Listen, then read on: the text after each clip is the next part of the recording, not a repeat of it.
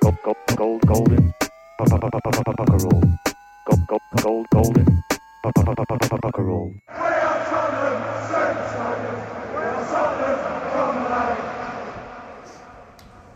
Du hører på Golden Cockerel. Det er Tottenham Sønners egen podkast. Vi sitter her i studio hos eh, Petter Frydenlund, eh, meg selv, Hans Marius Jacobsen, og vi har med også Magne Mellom Enoksen. Velkommen til deg.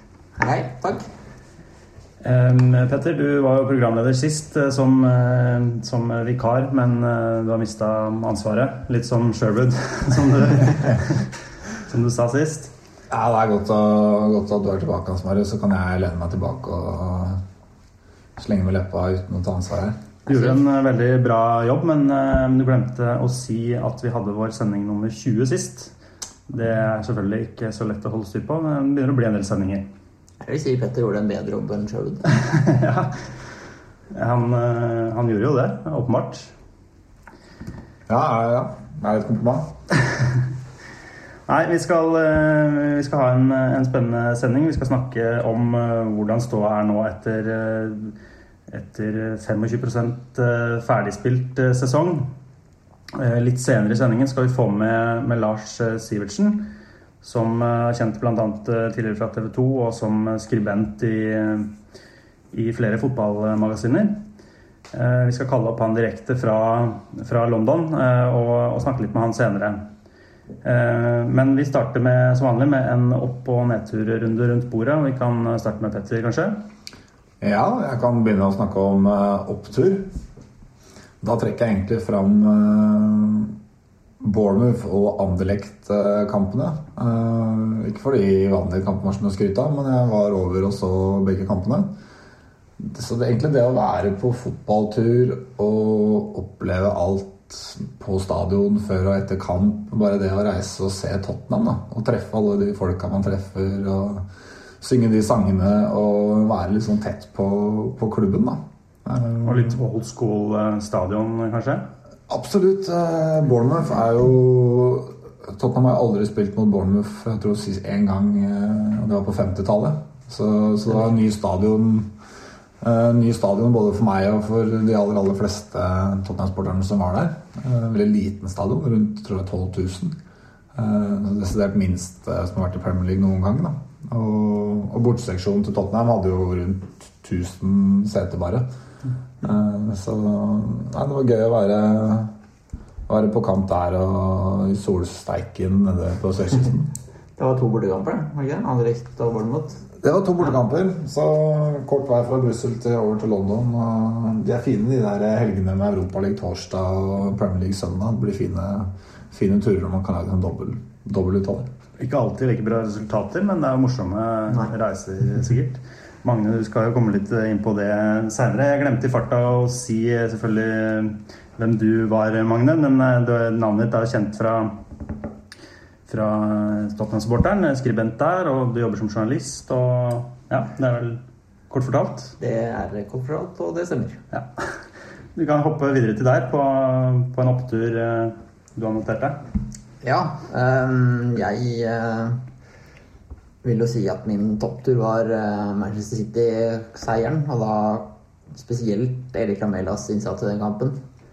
Eh, jeg har jo heia litt på Lamela.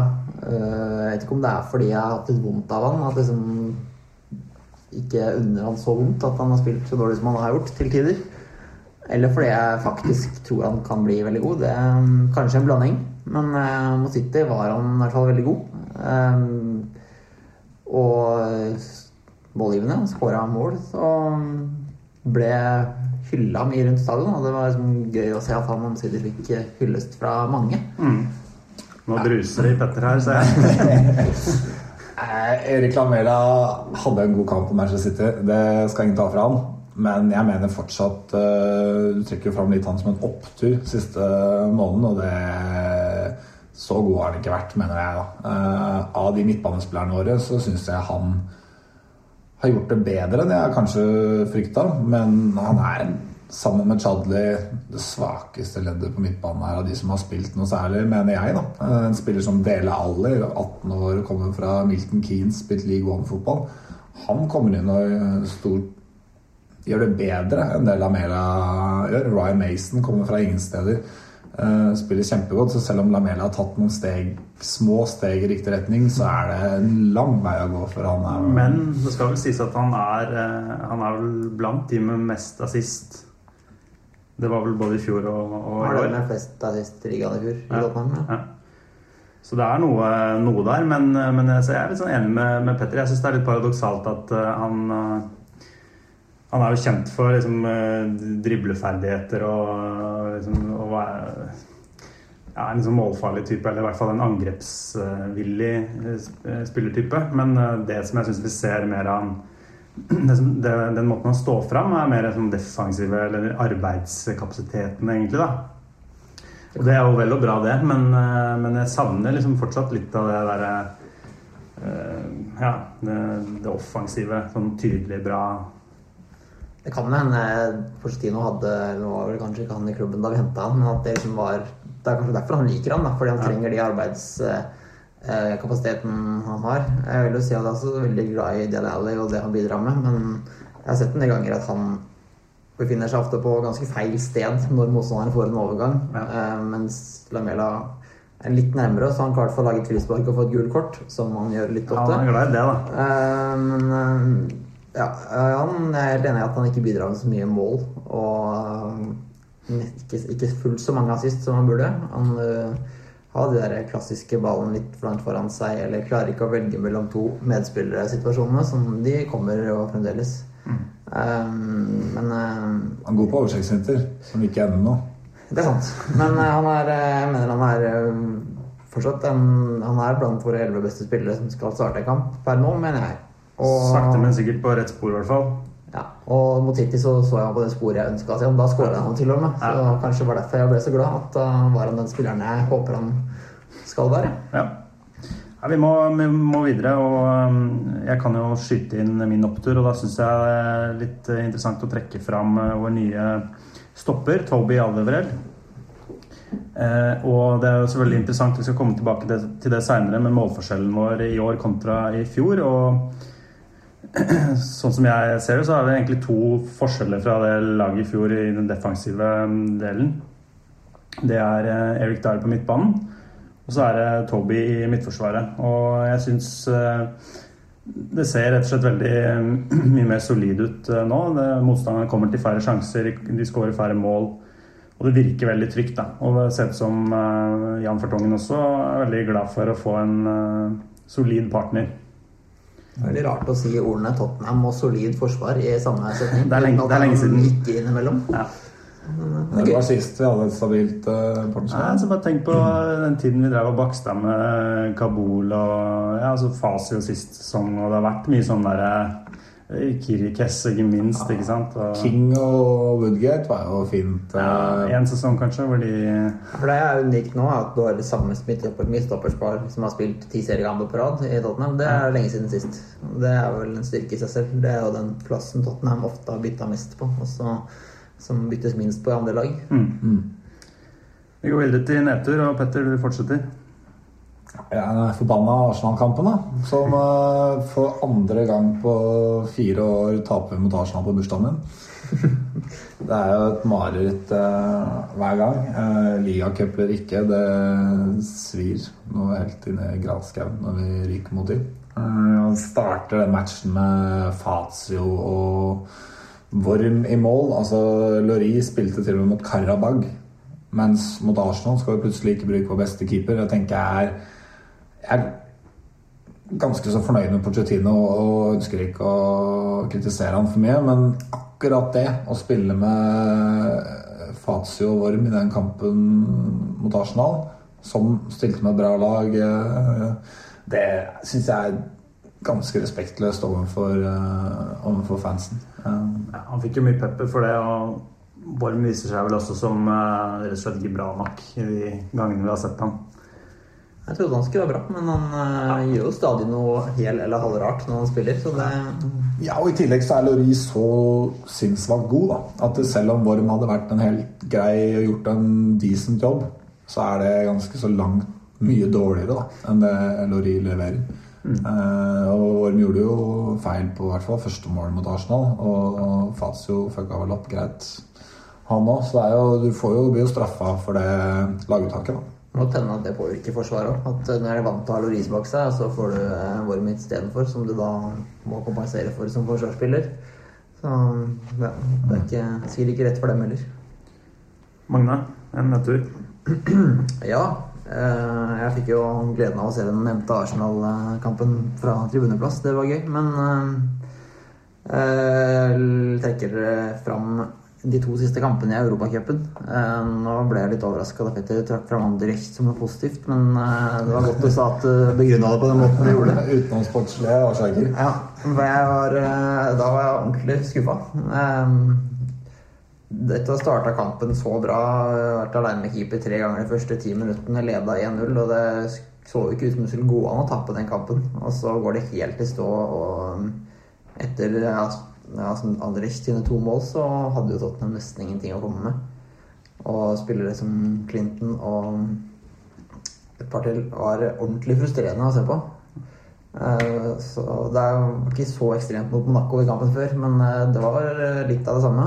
Tara Ellison ser ut som det har kjempegod kontroll, og så plutselig er det helt stopp. Det sitter ganske i huet at det er Europaliga og ikke så viktig, kan det se ut som, og det er litt skuffende. Ja. For da blir jo kampene enda viktigere når man må begynne å vinne dem på slutten av gruppespillet. Ja, vi har jo spilt oss opp i en litt sånn vanskelig situasjon nå, men eh, flere muligheter til å rette på det, selvfølgelig.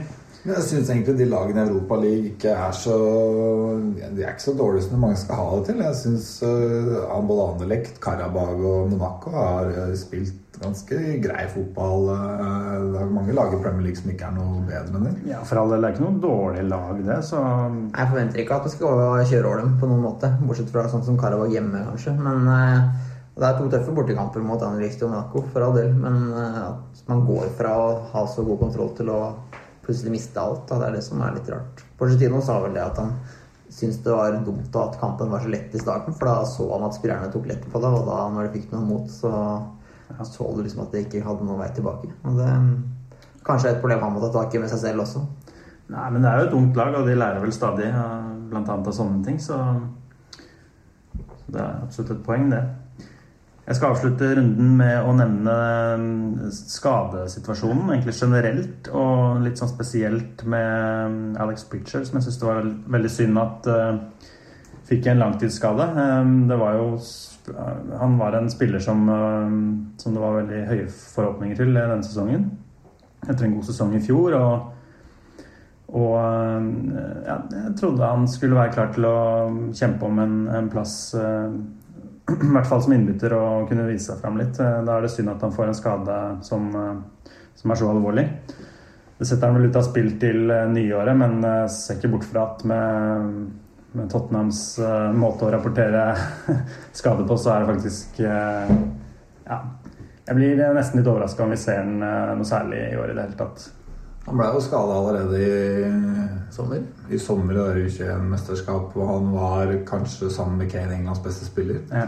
Eh, og så spilte han vel, fikk vel ett innhopp eh, for Tottenham og en U21-kamp, og så var han ute igjen med jeg mistenker at det var samme skaden. Ja, jeg lurer på det.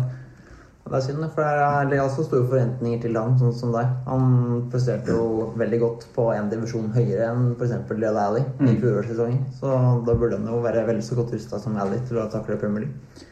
Vi har generelt hatt uh, flere skader i år enn uh, i fjor. Da, da hadde vi egentlig en ganske fin sesong, uh, og vi var heldige. Nå har jo også f.eks. Bent Aleb eh, Mason har vært skada lenge. Som ble jo skada. Eriksen har vært ute. Eriksen har vært ute i starten. eh, Det er midtbanen det hoper seg opp. Spesielt på midtbanen. Så vi får håpe det Det ser ut som vi klarer oss greit likevel foreløpig, og jeg får håpe det fortsetter for all del. Fordelen med at man aldri får vite hvor lenge spillere er skada, er jo at de plutselig blir friske. Han som Mason, som gikk fra å være helt borte til å dukke opp på banen igjen sist. Hi, my name's Kat Law. I'm co-chair of the Tottenham Hotspur Supporters Trust, and I'm listening to the Golden Cockerel podcast. Vi skal gjøre opp eh, status etter at eh, en fjerdedel av sesongen er unnagjort, og før vi går inn i en eh, ganske vanskelig og hektisk periode med mange kamper. Vi må jo si at det står ganske bra til, eller hva sier dere? Ja, akkurat nå er det veldig god følelse. Det er muligens hjulpet av en 5-1-seier nå for noen få dager siden, men Ubeseira sin eh, første seriekamp, det det er ikke så verst. Det er viktig å huske på. Og Du har møtt eh, City og Liverpool på veien også, så det er ikke bare hatt badekamper heller. Så Nei. det er lett å være litt mer optimistisk nå enn um, noen få kamper ut i sesongen, da det ikke var noen seire på blokka. Ja, det var mye uavgjort der. For å komme litt inn på dette med målforskjellen. Vi har eh, sluppet inn eh, få mål og, og for så vidt også ikke, ikke skåra så mange før den eh, Bournemouth-kampen. Men, eh, men målforskjellen er en viktig indikator på, eh, på hvor man havner også når eh, sesongen er ferdig. Eh, åpenbart en forskjell fra i fjor, det er jo positivt. Petter, hva, hva synes du, hvordan syns du vi fremstår som lag nå? Spesielt defensivt, da. Vi fremstår mye tryggere, eh, som jeg snakka litt om i stad. At det har kommet inn eh, spesielt Toby Alderweireld i, i forsvaret der, med Eric Dyer, som fungerer eh, bra foran. Um, så det er, ikke, så- det var ikke så mye som skulle til, litt sånn som vi spådde, spådde i fjor. Eh, bytte litt om på for å få ut eh, Kabul og Fasi og Kirikers og nye smittestoppere i hver kamp. Så kommer du langt med det. Mm. Jeg er imponert over den rollen Dyer har tatt. Um, han Jeg var skeptisk til at vi ikke henta noen defensive midtbanespillere før sesongen, for det var der jeg mente det sto absolutt dårligst til. Til og med tynnere enn på spissplass. Um, men Dyer har foreløpig gjort jobben uh, bedre enn de fleste har forventa, tror jeg. I hvert fall er jeg imponert. Og det, um, helt så, ikke bare imponert, men helt sjokkert over at han eh, Han var ikke en dårlig når han spilte bak forsvaret, så var han aldri dårlig. Men at han skulle bli omplassert til å spille midtbane og faktisk være enda to-tre hakk høyere enn det han spilte forrige sesong, det tror jeg ingen Det tror jeg ikke Pochettino engang hadde turt å håpe på.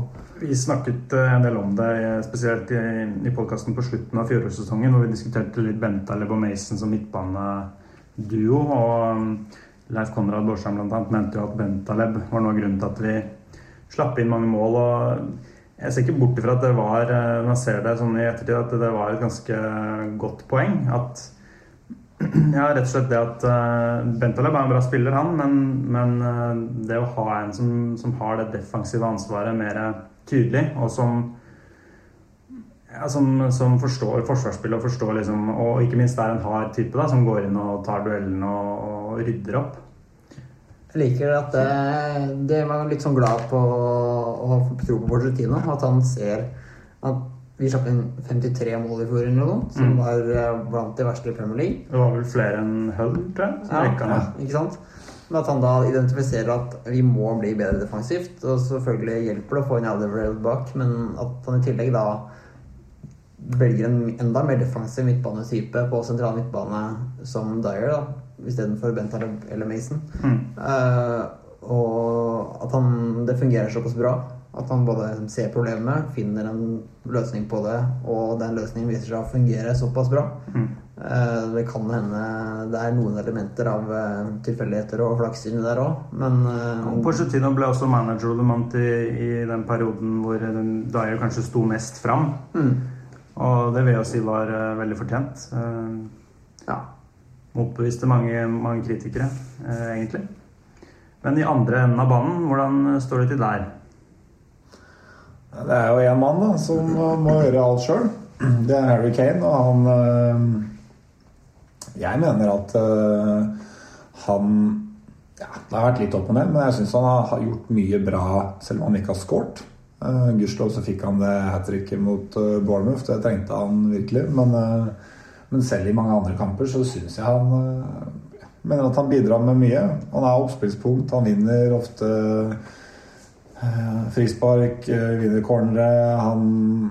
Hvis du først er en spiss som ikke scorer, noe du selvfølgelig ikke ønsker deg, men eh, hvis du først er så uheldig, så mener jeg at eh, Harry Kane er en eh, fyr som bidrar med, med andre ting da, og gjør laget eh, gode. Han gjorde en kjempejobb akkurat der mot Liverpool. Eh, Han mottok jo ballen rett, eller feilvendt med Martin Skertel i ryggen mange ganger. Og var oftere han kom seg forbi enn at han ikke gjorde det. Så Skertel er jo helt på felgen da. Jeg satt bak målet på stadion og koste meg hver gang jeg så at han kvitta seg med Skertel gang etter gang. Så han er imponerende.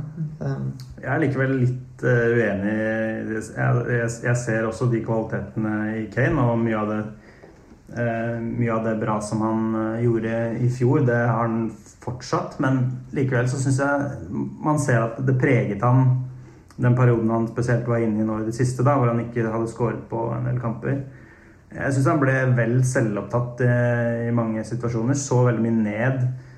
Feila på sånne enkle ting som eh, liksom bare, bare å føre ballen, eh, dårlig touch, eh, skjøt fra håpløse posisjoner. Eh, Jeg er ikke like imponert eh, som, eh, som dere, da. Nei, han har gjort det. Jeg er enig- det er enig i det òg. Han har gjort mye Han har blitt mer, mer ego. Det det Ja. skal kanskje være som spiss. Spesielt når du er så gira på å få det ene målet du ikke har fått på lenge. Ja. Men Så hvis det ikke, hvis det ikke hadde vært for forrige sesong, Uh, og Kane hadde spilt som han har gjort denne sesongen, her, så hadde jeg kalt han uh, decent og ikke noe mer. Så mye av det når jeg mener at han er god, det er jo fordi vi vet at han kan. Vi vet at han kan skåre mål. Vi vet de kvalitetene han har. Og, og spisser de går uh, ofte i perioder uten å skåre mål. Aguero gikk også ganske mange kamper uten å skåre. Alle spisser gjør det. Uh, Og for all del, jeg ser også at han er, ikke er en one season wonder. Jeg ser at han har eh, de kvalitetene. Så det er liksom å ha litt, litt flaks og måtte få den touch. Noen av de skåringene han hadde mot Bournemouth, var jo nettopp sånn. At han liksom bare var der på en eh, dårlig keeperinntreden eller eh, stakk frem foten. Det er li- litt det det handler om, liksom. Å få flyten, da. Men jeg tror, eh, som sier at det er en mann vi må stole på det, Jeg tror ikke han skårer like mange i år som i fjor. Selv om han kanskje med det heter ikke nå har flere enn han hadde på samme tidspunkt i fjor. Um, så det er avhengig av å få litt mer system eller flyt i angrepsspillet rundt der. Og der er vi jo litt kanskje svakere enn i fjor. Nettopp fordi Ja, om ikke svakere. Det var ikke så mye system i fjor heller. Men eh, jeg tror du ser litt at det prioriteres litt mer defensivt. Jeg føler at Tottenham er litt mindre farlige fremover sånn generelt nå enn i fjor. Ja, altså Vi hadde i hvert fall spisser da, på benken. men Nå har vi jo ikke det i det hele tatt. Vi har, eh, vi har kantspillere som, eh, som tar den rollen. Og så kan jeg si vi har signert et par spillere som eller spesielt sånn, da, som, som, eh, som skårer mål. Og det er jo bra, men han er ikke noen spiss. Og det er jo ikke Clinton heller. Og så får en skade på Kane, da, så jeg sier vi er i litt trøbbel. Det er jo kjempetrøbbel. Eh, og det er jo kritikkverdig av en klubb som er så stor som Tottenham er, og som satser på å komme blant de fire beste. Så skal du satse alt på en ung spiller som eh, har spilt bra i seks måneder. Det er jo det er å håpe på det beste, da. Eh, og Tottenham burde være en stor nok klubb til å ikke trenge å lukke øya og håpe på det beste. Ja, men eh, der penser også litt inn på, på et annet eh, tema. Vi, vi er Premier Leagues yngste lag. Det var vi vel kanskje i fjor også. Vi, er det hvert fall, vi fortsetter i hvert fall det. Vi har blitt Snittalderen er enda lavere. Og jeg syns måten vi fremsto i uh, transfervinduet, viste at vi, vi gjør kanskje ikke de forhasta valgene som vi gjorde før. da. Og der vi kanskje ville kjøpt en spiss av Louis Sa-type. Når vi ikke hadde andre alternativer, så, så velger vi heller å vente eh, nå. Da tenker jeg Jeg syns det føles ut som litt som Porcetino som, eh, som heller velger å, å gjøre det på den måten. Og bruke de han har, og kanskje ta opp noen unge spillere. Um, for å liksom ikke havne i situasjoner hvor du sitter med spillere som du egentlig ikke vil ha. Så, så på lengre sikt så Ja, Kyle Walker sa jo i et intervju nå, nå denne uka at han, eh, han mente det var en fordel at det ikke var så gamle, mye eldre spillere i Tottenham lenger. Fordi de, han mente at de eldre spillerne ikke var like interessert i å høre på Pochettino og hans treningsmetoder. At de unge gutta var lettere å få med på hans ideer. da. Og det kan jeg ha mye å si, og det er sikkert mye av de vi vil kvitte oss med i sommer, er nok eksempler på det. da. ja. De tror de vet bedre selv, ja. Ja, bort fra at Adebayor og ja, Kabul og disse typene er vanskelig. Og Lennon, ikke sant. Det kan være vanskelig å prate til. De har jo oppnådd mye, de. Eh, i alder av 28-30. Så det, kan være et viktig poeng, det. Paul Merson han mener at vi burde lede av serien. Eh, Hva syns dere? Har vi hatt uflaks? Jeg har vel hatt noen kamper eh, som eh, vi har hatt mer stang ut enn stang inn. Eh, Sånn som den Stoke-kampen som ender 2-2. Det er kanskje min største skuffelse denne sesongen. her. Det er sjelden jeg blir ordentlig forbanna når jeg ser fotball, men akkurat da fløy det noen fjernkontroller gjennom stua hjemme hos meg. Fordi så dårlig som den kampen avslutta, det er lenge siden jeg har sett. Og, og da Ja, det er en kamp man bør vinne, for eksempel. Det er til å bli forbanna når du ser Tottenham. Jeg er til jeg ikke blir forbanna når jeg ser Ja, Tottenham. men, ja, det står går en grense, men nå kryssa jeg min egen forbanna grense og nådde et helt nytt nivå som jeg tror verken jeg eller kona hadde sett før. Så husk godt litt. Men eh, det gjelder vel kanskje alle lag at de har litt sånn eh, ja, man, man peker typisk på det at hvis vi bare hadde vunnet den kampen, hadde vi vunnet den, så hadde vi liksom ett poeng til, så hadde vi nådd Champions League. Men sånn er det jo alltid, eh, på en måte. Og jeg føler ikke at Paul Merson er den med mest tyngde til å, til å ta på alvor, egentlig. Jeg er vel mest opptatt av å selge klikk eh, til den nettsida han skrev for, tenker jeg. Ja, jeg har lært meg å ikke høre så mye på hans eh, tips for noe annet enn underholdning, eventuelt. Men vi var litt inne på, på Europaligaen i innledningen her. Eh, Magne, du har noe interessant informasjon om eh, effekten av det å spille Europaligaen og, og senere da Premier League påfølgende helg. Ja. Eh, det har jo vært snakka om i mange år at eh, om det skal være en fordel å komme til Europaligaen eller ikke. Eh, og det er mange meninger om det. Og, men eh, spesielt da med tanke på de søndagskampene som man eh, får tre dager etter en torsdagskamp i Europa. Og det mm, Vi husker jo i fjor hvor vi tapte hjemme mot eh, West Bromwich, Newcastle og Stoke etter å ha spilt Europacup torsdag torsdagen i forveien.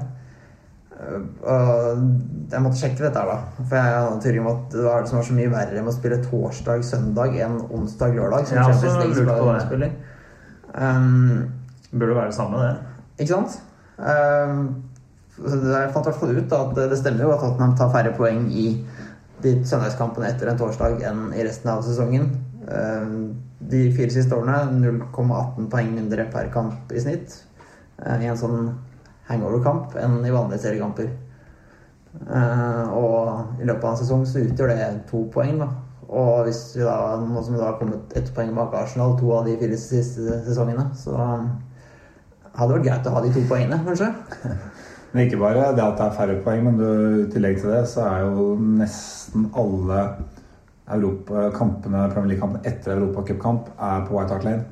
Eh, I år så er det fem av seks eh, ganger at vi spiller på White Hart Lane etter. Mens i fjor så er det seks av seks. eh, I hvert fall i gruppespillet.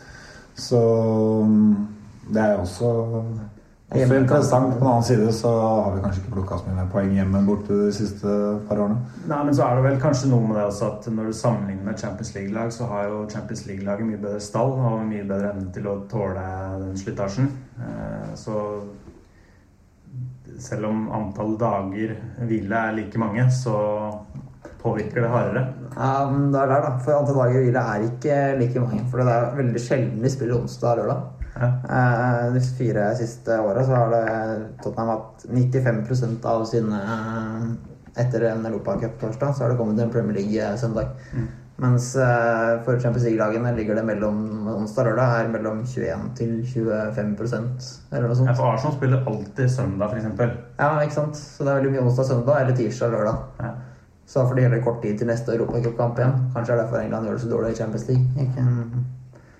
Eh, Men en annen ting som var veldig interessant, så er at eh, Tottenham tar mer poeng etter en bortekamp i Europa enn etter en hjemmekamp.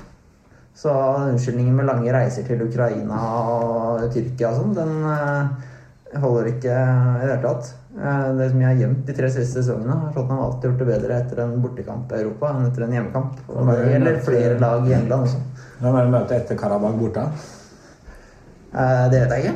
Er ikke Det er Chelsea hjemme, Ja, nettopp. Det lover bra. Bare send alle, gutta- til eh, Aserbajdsjan, så blir dette bra. Vi har generelt spilt bra på bortebane de siste årene, så det Ja. Må ikke glemme det heller.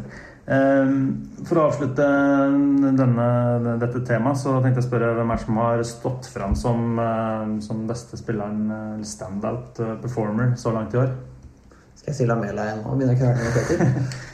Nei, eh, det er mange måter å måle det på, men jeg vil vel si Eric Dyer eh, har eh, stått fram Du måler litt mot forventningene på forhånd, men eh, kanskje uten å måle mot det òg, så vil jeg si han. Ja.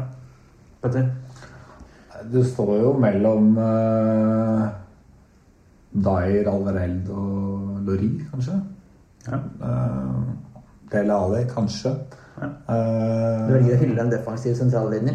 ja, det er, ikke ofte, Deilig. det er ikke ofte man har gjort i senere år. Så nei, ja, Alvareld, da, hvis jeg skal se han. Jeg tror jeg er enig i det. For så vidt morsomt å, å følge mange spillere nå. Jeg syns det er mange som egentlig presterer ganske bra.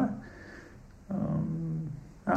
Dembele har hatt noen fine kamper nå. Dembele kom jo tilbake fra skade og var veldig bra i et par kamper. Så Og Desidert bestemann mot Liverpool. Aha, akkurat sånn den skrytevideoen hans fra han Tottenham. Han var så god mot- for, mot eh, United, og spilte han akkurat som for Tottenham. Endelig. Deilig å se. Ok, Vi setter en eh, sluttstrek for eh, dette temaet, så skal vi kalle opp Lars Sivertsen i neste spalte.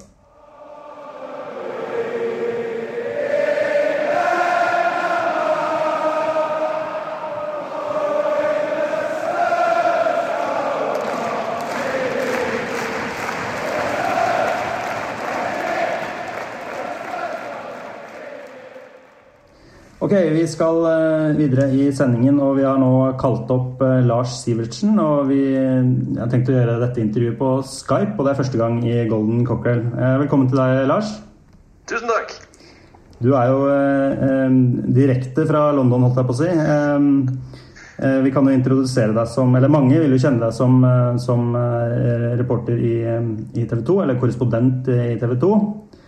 Eh, nå jobber du eh, mye som eh, skribent, bl.a. i Josimar og, og litt i, i forskjellige magasiner og aviser, stemmer ikke det?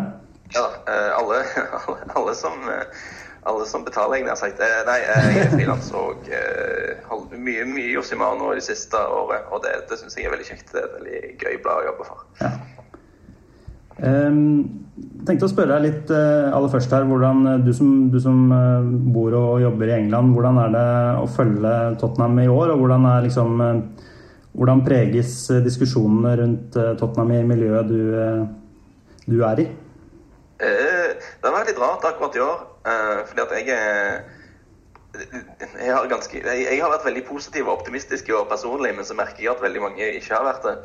Eh, Så, så i diskusjoner og sånn med folk her i miljøet, så er det veldig sånn Nei, Tottenham blir håpløs i år og sånne ting. Og jeg bare Nei, nei, jeg tror det blir bra. Eh, eh, Så det, det har vært litt sånn det, det det ligger på, egentlig. Det var jo veldig eh, guffen stemning etter overgangsvinduet ble stengt, selvfølgelig, og de første kampene var litt sånn blodfattige, og, og det var mye negativitet. Men, men nå er det jo begynt å, begynt å snu, snu litt. eh, Inntrykket jeg får, er at folk Spesielt når Bournemouth-kampen og nå på helga var såpass imponerende. Eh, samtidig som det var en del andre altså Manchester Derby var utrolig skuffende, og, og Liverpool kladde en del. og sånn. Så Nå ble plutselig storyen litt at eh, hei, Tottenham er jo ganske gode. Så det, det, det er en sånn eh, Du ser begynnelsen på en eh, på en, eh, en, en bevegelse i retning av at folk eh, oppdager at Tottenham faktisk er ganske gode akkurat nå. Så Ja. opplever jeg det her borte. Hva bygde du forventningene dine på når du sier at du, du faktisk forventa at det kom til å bli en bra sesong? Um, fordi jeg tror at For det første så syns jeg Pochettino virker som en veldig imponerende fyr. Uh, jeg, jeg litt sånn um, jeg, jeg jobbet jo mye rundt uh, Jeg fulgte Southampton ganske tett akkurat når Pochettino ble ansatt, fordi at de henta jo Vegard foran. Eh, så jeg ble hele tiden sendt ned til sørkysten for å si kanskje, kanskje kommer foran. Eh, dukker han opp, liksom? Vil han, vil han? Eh, så jeg så veldig mange Southampton-kamper og, og, ble bare ekstremt imponert over hvordan han fikk skikk på dem så fort. Eh, og, og det Southampton-laget var Eh, Altså når du ser på et eh, lag som- Når du ser på et lag og du ser at alle spillerne vet nøyaktig hva de skal gjøre, altså du ser at alle spillerne har et system som de skjønner, eh, da ser du at laget er bra coacha, rett og slett. Og han, han fikk til det veldig fort i Southampton. og Jeg ble veldig imponert over han da, og jeg syns alltid det var gode nyheter når, eh, når Tottenham var, var interessert i han. Sånn som jeg forstår det, så var de i kontakt med han allerede før de ansatte Tim Sherwood midlertidig. Så, så han var alltid en mann de var, var interessert i.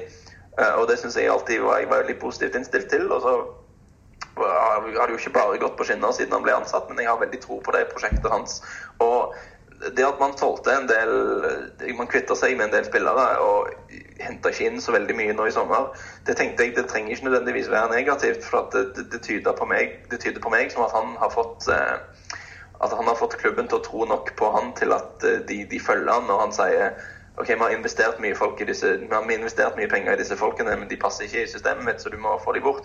Uh, og, og, at klubben følger an i de anbefalingene. Og uh, folk, som, um, folk som Ryan Mason og sånn, altså det, det finnes sikkert bedre midtbanespillere der ute, men, men, men, han funker veldig bra i det systemet som Pochettino har, for han springer så jækla mye. Ja. Uh, og, og det, det virker for meg som om vi har en stall nå som er, som er, godt sammensatt med tanke på å spille den fotballen treneren vil at vi skal spille. Og det syns jeg alltid er positivt. Vi, vi, vi er det motsatte av Liverpool, på en måte. Skjønner hva jeg mener. Eh, men eh, vi er jo, vi som Tottenham-sportere er kanskje vant til det at eh, det er noen som kjøper, kjøper spillerne, og kanskje ikke den som treneren vil ha. Sånn, tror du, eller føler du at Eller vet du, for å spørre sånn, om, om det er sånn at Porcetino faktisk har mer makt i, i Tottenham? Ja, som du sier, Tottenham er en veldig eh, politisk klubb i den forstand at det alltid er en del maktkamper internt, og, og noen vil ha noe, og andre vil ha andre. Men, men jeg synes det er godt tegn at, de, at Pochettino nå jobber sammen med han, eh, han eh, rekrutteringsfyren han kjenner fra Southampton. Ja. Uh, det er jo et kjempegodt tegn, for det tyder på at du har iallfall en hovedtrener og en rekrutteringssjef som, som, som, er på samme side. Og, og, og, og det, Tottenham hadde jo aldri jeg kan aldri tenke meg at Tottenham hadde henta inn han på Southampton om de ikke hadde snakket med Pochettino allerede, og Pochettino sa ja, han kan jeg jobbe med, og sånne ting. Altså, jeg får et mye mer inntrykk av at kontra tidligere år, som du sier, der det har tydelig vært eh, et problem mellom hovedtrener og, og sportsdirektør og sånne ting, at folk ikke vil ha de samme folka. Eh, så, så får jeg iallfall veldig inntrykk av at man drar i samme retning nå. Og det er sånn, ok, det finnes kanskje det kan være det finnes bedre vinger skråstrek angrepsspillere i Europa man kunne kjøpt for de pengene man brukte på, på Son og eh, NG, men samtidig så er Son og NG begge liksom veldig raske, direkte spillere som du ser hvordan de passer inn i det Pochettino har lyst til å gjøre. Eh, og, og det, det, det, jeg, jeg, jeg syns det er et sunnhetstegn at det virker som om folk i ledelsen drar i samme retning. Så det er òg en grunn til at jeg er litt positiv til det som skjer. Ja. Vi kjenner jo Eller i det siste nummeret av Tottenham-sporteren så ble det skrevet en liten sak eh, om deg, og du var jo bl.a. På, på årsmøtet til Tottenhams venner i London. Kan ja, du spørre først hvordan det var?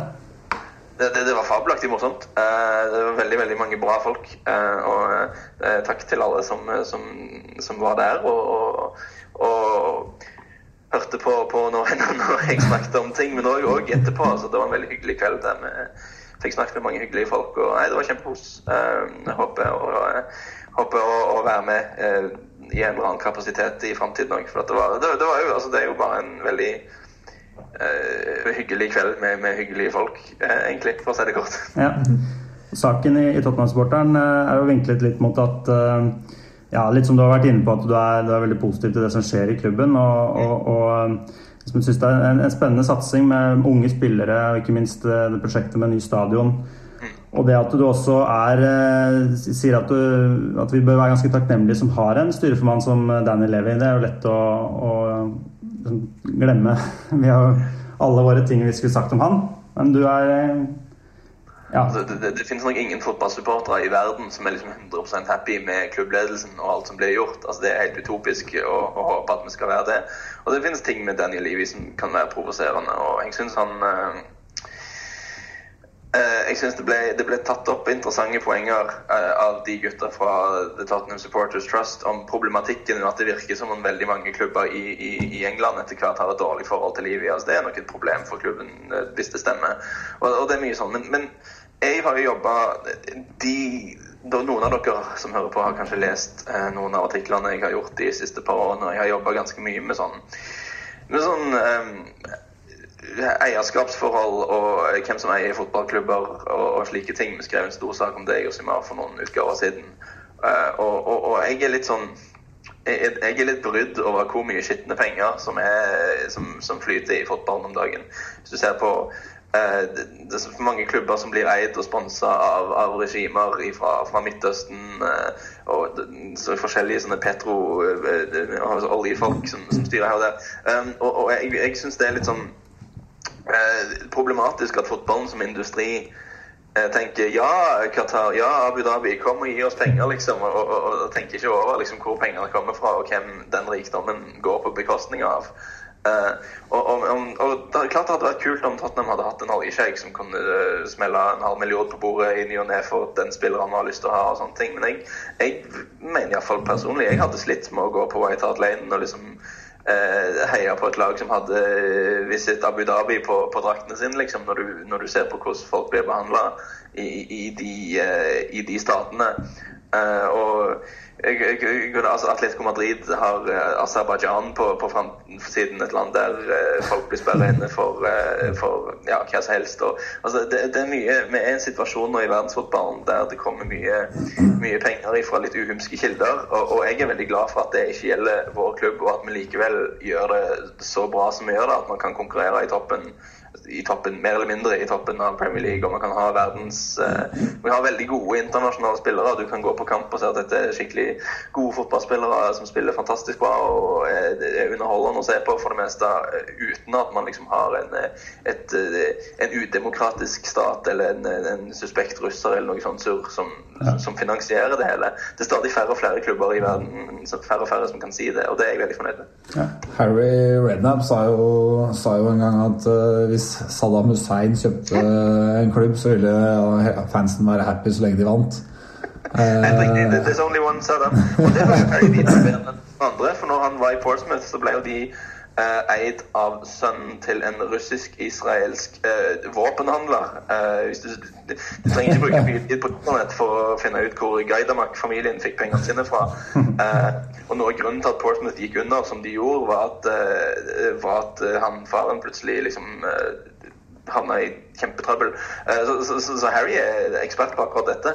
Eh, og, og jeg synes, ja, det, det er så mye grums eh, i England nå. Du ser Celino nede i Leeds, Mike Ashley oppe i Newcastle, som er et forferdelig type. Altså, det, det, er så mye surr. Og, og, og selv om jeg, jeg skjønner veldig godt at folk blir frustrerte over Livi og måten han driver butikk på av og til, altså, det blir jeg òg. Men når man ser på hva alternativene er, så, så, er det veldig OK, altså den situasjonen vi er i. Jeg tror de som sitter her, er enig med deg, Lars, i at uh, situasjonen med Daniel Levy er veldig mye bedre enn det, enn det mange andre klubber. Uh, fordi, både fordi vi kan føle oss, uh, som du var inne på, så kan vi føle oss stolte over klubben vår i større grad enn uh, f.eks. Chelsea og City, som gjerne blir trukket fram. Men du har jo ikke bare Chelsea og City, du har jo en haug av andre klubber i England og Europa som er kjøpt opp av utenlandske investorer som rett og slett har kjørt klubben i dass. da. Ja. Portsmouth som er et godt eksempel. Blackburn og det er altså utallige klubber nedover i divisjonene som aldri kommer til å komme seg opp igjen pga. eiere som har kjørt dem i, ræva, rett og slett. Helt riktig, og vi skal ikke være så eh, arrogante at vi tror bare fordi at Tottenham har en flott historie og en stor fanbase og en fin stadion, så er vi immune mot det. Altså, det er vi jo absolutt ikke. Som du sier, bare se på Leeds og, Blackburn og sånne klubber. Så det, det, det, det akkurat det er jeg veldig fornøyd med. Og så er det jo jeg, Som jeg sier, jeg også mer positivt innstilt til det som skjer på banen, enn jeg registrerer at andre folk har vært. der. jeg- jeg, har grubla mye på dette her. og Tottenham har jo egentlig holdt på med en sånn moneyball-ting lenge før det ble trendy. altså Tottenham har veldig lenge prøvd å hente spillere ifra, ifra undervurderte markeder og, og prøve å finne verdi her og der for, å få Men jeg, men jeg har jo, jeg tenker mer og mer at kanskje løsningen ikke er bare det å hente best mulig spillere. Kanskje løsningen er å fokusere litt mer på å hente spillere som passer inn i det kollektive systemet klubben prøver, eller laget prøver å, spille etter. Kanskje det er noe der, og, og, og, det føler jeg at man gjør mye mer effektivt nå. Det høres jo ut som det burde være en banal ting, som å hente inn spillere som passer i eh, laget. Men det er kanskje ikke det overalt. Nei, det, er jo ikke det. Altså, se på Roberto Soldado er det beste eksempelet. og Dette er et- etterpåklokskap. Altså, jeg, jeg sa ingenting om dette når de henta han, så det, jeg skal ikke, men men etterpåklokskap kan være interessant, det òg. Eh, Roberto Soldado når, når Siste sesongen hans i Valencia, da han skåret en haug med mål, så hadde vel Valencia var et av de lagene som slo flest stikkpasninger i eh, La Liga. Og han skårte omtrent alle målene sine inn i boksen. Så han var en målsnik som var vant til å få stikkere inn i boksen der og avslutta. Så går han til Tottenham, og Tottenham var et av de lagene som slo færrest stikkpasninger i Premier League sesongen før. Og hadde nesten ingen spillere som kan tre inn sånne små pasninger inn i feltet. Så plutselig får han ikke de pasningene han er vant til å få, og så slutter han å skåre mål, og så, så, så, funker det ikke. Altså, det er en sånn åpenbar sånn Tottenham-ting å gjøre, å hente en spiller som er veldig bra i et system, eh, og så da ikke tenke over det at man strengt tatt spiller i et helt annet system eh, i den klubben man skal til nå. Ja. Det, og, det, og det har det vært, det har vært et problem lenge. Altså, det, vi husker jo alle når Darren Bent kom, liksom. Altså, Darren Bent kan være en effektiv spiss hvis man bruker han på en bestemt måte, men sånn ble han jo aldri brukt i Tottenham. Mm. Så i årevis har det vært sånn at man henter Man ser ok, han har vært god i den klubben, da henter man til oss uten å egentlig tenke over hvorfor han har vært god der han har vært god. Du, Lars, det er mange veldig interessant å høre på deg, men jeg tenkte også å spørre hvordan, eh, hvordan det er, hvordan du opplever det å, å være glad i, Tottenham og, og jobbe med å ha det som jobb. Hvordan er det å være på kampdager f.eks. på White Hart Lane?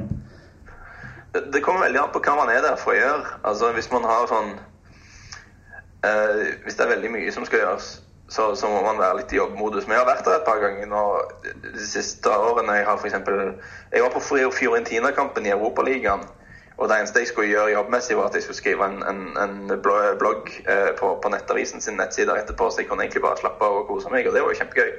Eh, men når man skal gjøre liksom, intervjuer med spillere og trenere etter kamp, og sånn, så må du jo fokusere mye mer på det som skjer. Um, og, og, og, og koble ut litt. Men det er litt rar greie, da, for du må på en måte tenke analytisk og koble ut. Men så samtidig så kan du ikke eh, koble ut følelseslivet helt heller, for da får du ikke med deg det som skjer på, på, på det nivået. Så det, det, er en litt sånn rar balanse. Og jeg, jeg beundrer jo veldig de som er um, de som er kommentatorer og sitter og er kommentatorer oppe i kommentatorbua, det, det, det, må jo være en utrolig vanskelig jobb, spesielt når man kommenterer eh, lag man har følelser for. fordi at man kan jo ikke sjalte ut følelsene helt, for da blir det jo skikkelig dødt å høre på. Men samtidig så må man jo prøve å være objektiv. Det er en utrolig vanskelig balanse. Eh, og jeg tror akkurat det er en vanskeligere jobb enn folk kanskje til tenker over. Eh, den jobben jeg har hatt, er forholdsvis enkel egentlig til, til sammenligning. Men det er jo litt sånn det som er tricky, er jo eh, når man skal intervjue eh, enten folk som man, man ikke syns noe om, så må man liksom eh, legge det litt på side. Men òg sånne ting som at eh, når Viasboa altså var på vei ut, eh, så, så hadde jeg nokså god informasjon på at han var ferdig ganske lenge før det skjedde. Så jeg intervjua han etter, etter kamp et par ganger når jeg visste at det hadde blitt liksom behandla på styrenivå, at de skulle kvitte seg med han mm. så, så, fort det passa seg. Eh, og, det, og, det, er en spesiell opplevelse egentlig å intervjue en manager som, som, som du vet er på vei ut. Ja.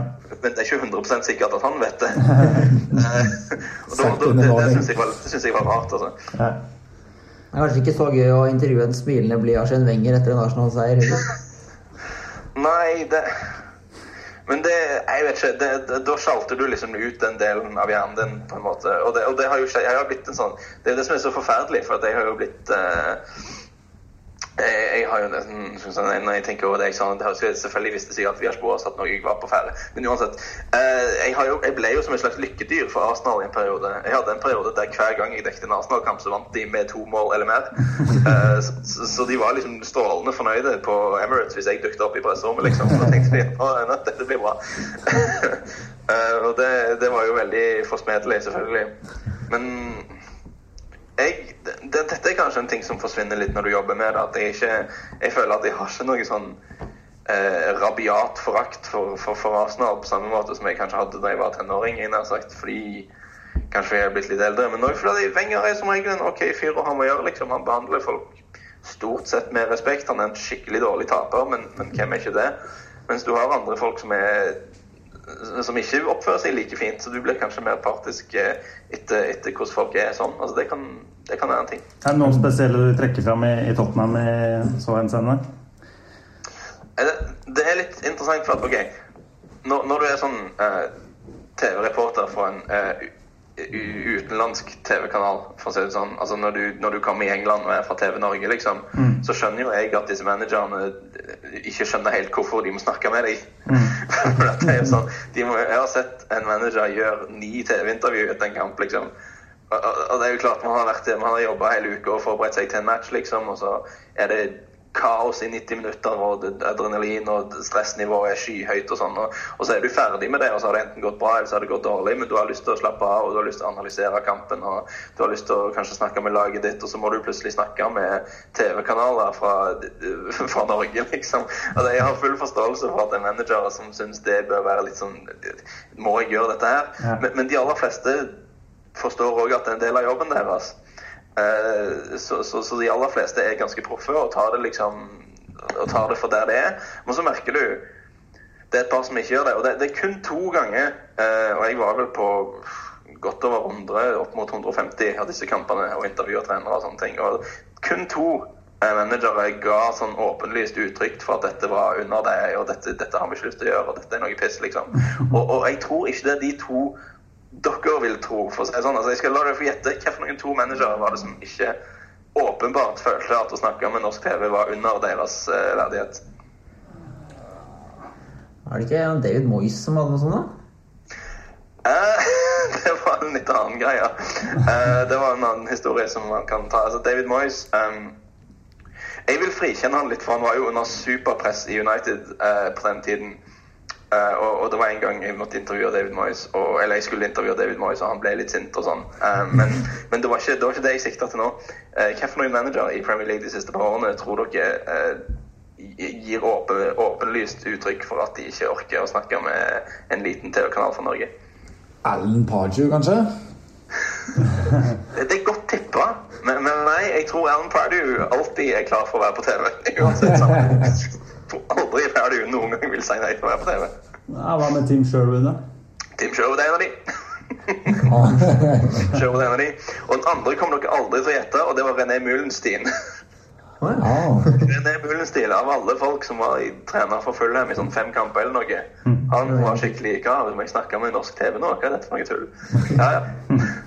Mens alle liksom Wenger og selv Mourinho, som, som sutrer jo så mye som han gjør, men selv han og, og Rafa Benitez og alle disse her, de, de, du merker at de syns det er noe gøy, men de skjønner at det er en del av jobben deres. For Premier League tjener jo milliarder på, på TV-kontrakter fra utenlandske TV-kanaler, og de, de, de skjønner at dette er en del av dealen. Men, men, så det er kanskje interessant at to helt ferske trenere som er veldig nye i gamet, og, og kanskje ikke helt skjønner hva det går i, eh, ikke forsto at det å ta eh, 30-40-60 sekunder å snakke med norsk TV faktisk er litt viktig for, eh, eh, for, for altså, i hvert fall en del av jobben deres. Ja. Team Sherwood fremstår som ganske PR-kåt, eh, sånn som jeg ser det i hvert fall. Hva var hva var det han sa som var så Nei, det, det var ikke det. Det, det er sånn det, det jeg sikter til når jeg mener at de ikke ville, er at både eh, Sherwood og Mullenstein begge venter seg liksom til For at det som skjer etter en Premier League-kamp, er at de blir liksom geleida rundt av PR-ansatte fra klubben, altså media officers. Um, som sier ok, nå skal du der, og nå skal du her, og nå skal du snakke med deg. Og, og både Mullenstein og, og Sherwood, det, det de gjorde, var at de liksom snudde seg til mediefolk og sa du seriøst, skal jeg snakke med norsk TV? liksom, det, det, det, God start på intervjuet. ja, Men, det, var en gang med Mourinho òg, men da hadde jeg litt medfølelse for han. De hadde, Jeg husker ikke om de hadde spilt uavgjort, eller de hadde, han var iallfall sur for et eller annet. Og så hadde han gjort noen sånn seks intervju allerede. Eh, så han snudde seg til pressesjefen i Chelsea og var bare seriøst, én til. altså, nei, nei, du må det ikke si, du må ta en til, sa pressesjefen til Chelsea. Og så kom jeg med TV 2-mikrofonen og skulle spørre han akkurat de samme spørsmålene som de tidligere. Man må jo ha litt sånn medfølelse for at, de blir, at de, de ikke er verdens kuleste ting. Men, men, men Sherwood var en av de som du følte at han tenkte at dette er jeg, dette er jeg altfor stor til å håndtere, egentlig. med en gang. Ja, dette er juicy stoff, eh, Lars. Eh, Vi må Jeg vet ikke om det er det, men det er iallfall litt sånn røverhistorier fra, fra bak, eh, bak, ja, bak kulissene. Ja, veldig spennende. Vi må sette en strek og si tusen takk for at du var med fra London. Ja, det var hyggelig. Når som helst. Nesten, iallfall.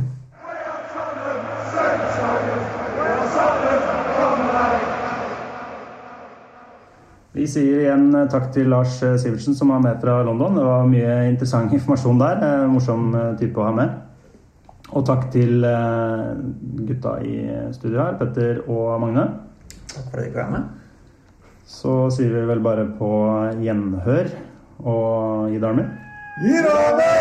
Gold, gold,